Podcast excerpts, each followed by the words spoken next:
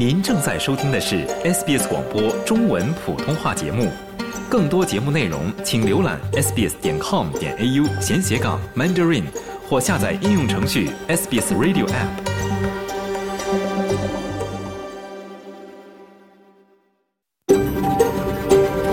SBS, a world of difference.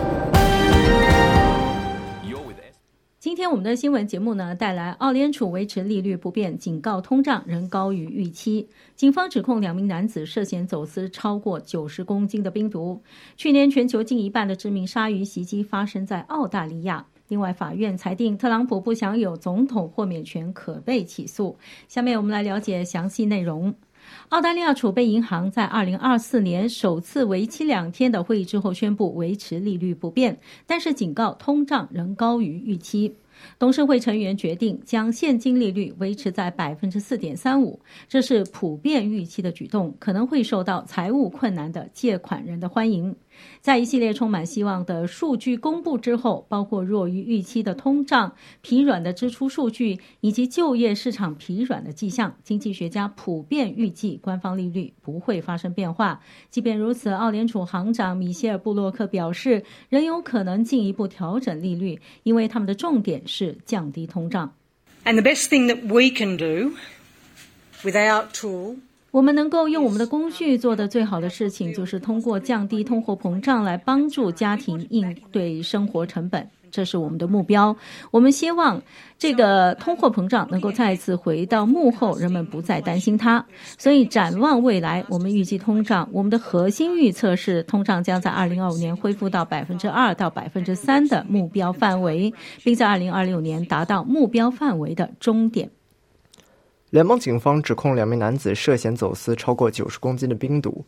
这批估计街头价值八千万澳元的冰毒来自危地马拉，伪装在咖啡研磨机中运抵墨尔布里斯班。澳大利亚联邦警方追踪到这批货物运到悉尼的一处住宅，并于上周逮捕了两名男子。澳大利亚联邦警方警监约翰·坦蒂表示，这次拦截行动是对贩毒集团的一次打击。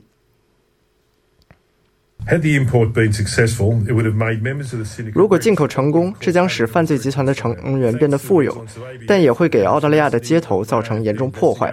多亏了联邦警方的警惕性和澳大利亚联邦警方调查人员的坚韧不拔，我很高兴地说，这种情况没有发生。犯罪集团不遗余力地掩盖他们的活动，但不可能瞒过澳大利亚联邦警方。数千头牛羊被困在珀斯附近海域的一艘船上，因为动物保护组织担心可能会提出新的出口申请，他们的命运仍然扑朔迷离。一月五号，这艘船从弗里曼特尔驶往中东，由于胡塞叛军在红海发动袭击，这艘船被勒令放弃航行。农业、渔业和林业部宣布，以健康和福利为由，拒绝了出口商再次将牲畜运往中东的请求。农业部长穆雷瓦特表示，他希望此事能够尽快得到解决。They have the responsibility to come up with a proposal.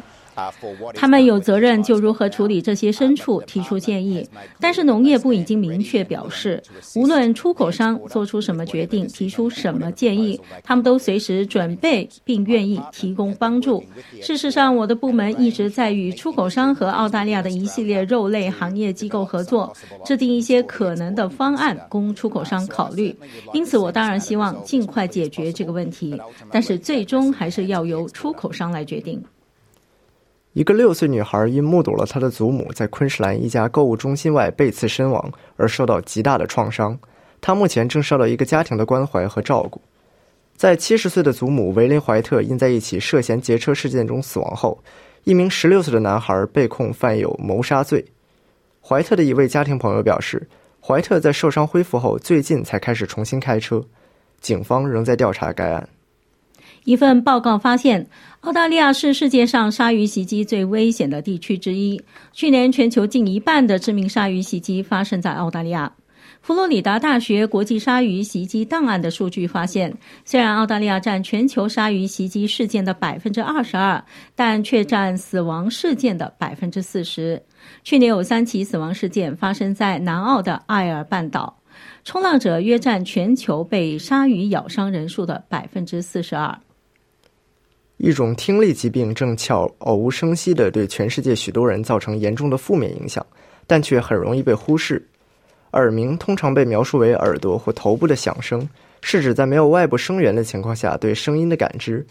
耳鸣可以是持续的或偶尔的，响亮的或柔和的，轻微的或严重的，可以在单耳、双耳或头部听到。耳鸣会让人感到孤独和痛苦，影响着不同年龄和背景的人。听力研究员马蒂厄·雷古纳特博士表示，虽然耳鸣无法治愈，但有几种方法可以控制耳鸣。声音疗法利用大自然的声音或音乐噪音，创造一种声音环境，让你沉浸其中，分散大脑对持续不断的耳鸣的注意力。第二种是认知行为疗法，这是一种针对其他疾病开发的心理治疗方案，主要用于治疗慢性抑郁症和慢性焦虑症。但当它更适合耳鸣这种疾病时，就能真正有效地帮助患者。研究人员表示，目前正在对耳鸣进行广泛的研究，以便提供最佳的解决方案，并希望能够治愈耳鸣。您正在收听的是 SBS 中文普通话节目。听众朋友，早上好，欢迎继续收听 SBS 普通话新闻。下面我们来关注更多国际方面的消息。俄罗斯指责总统乔拜登在伊拉克和叙利亚发动袭击，以在总统竞选前改善自己的形象。美国的空袭造成包括平民在内的至少十六人死亡、二十五人受伤，并被认为是对在约旦造成三名美国士兵死亡的袭击进行报复。华盛顿指责伊朗支持的民兵。俄罗斯驻联合国大使瓦西里内本齐亚在应莫斯科要求召开的有关袭击事件的安理会会议上表示，美国的行动没有任何理由。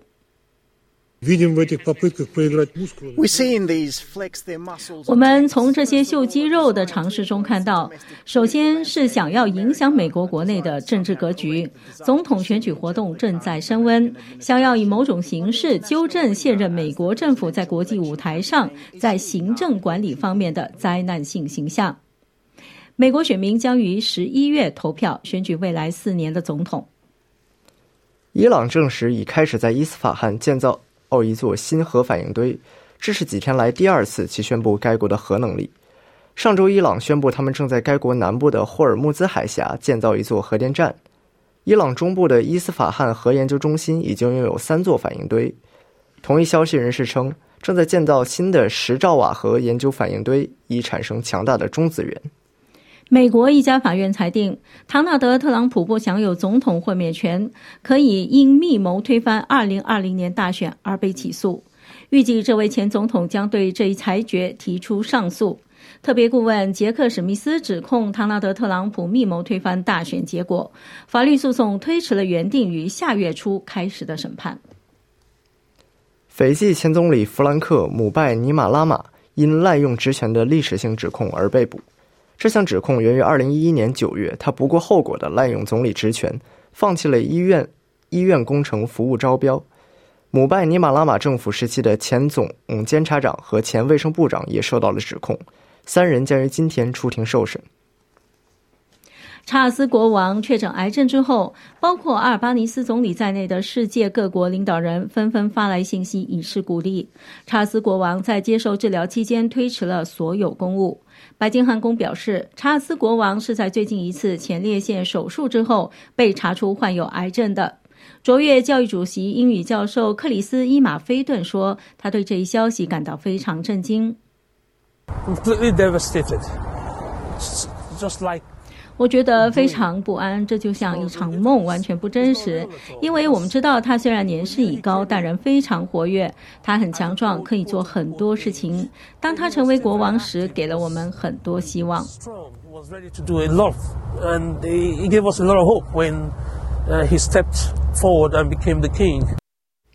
乡村音乐明星托比基斯去世，享年六十二岁。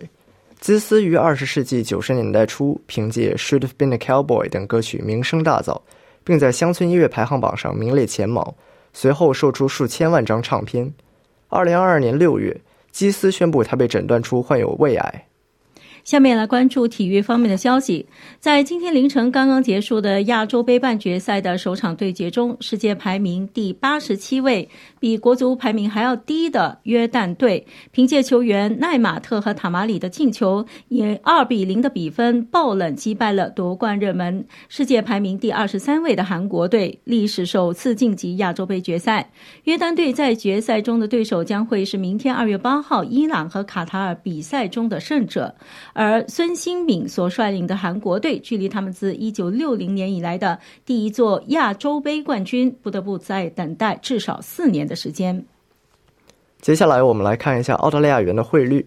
在国际货币市场上，一澳元可以兑换零点六五二美元，一点零七三新西兰元；同时，一澳元可以兑换四点六五六元人民币，五点零九八元港币，二十点四零一新台币。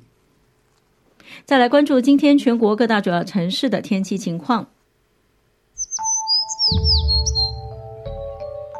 悉尼有阵雨，最高温度二十五度；墨尔本多云，最高温度二十三度；布里斯班阵雨，最高温度三十一度；堪培拉多云转晴，最高温度二十四度；阿德莱德多云转晴，最高温度二十七度；珀斯琴最高温度三十六度；达尔文有阵雨，最高温度三十二度；霍巴特多云，最高温度二十三度。想听到更多这样的故事吗？您可以通过苹果播客、谷歌播客、Spotify，或者您喜爱的方式下载收听。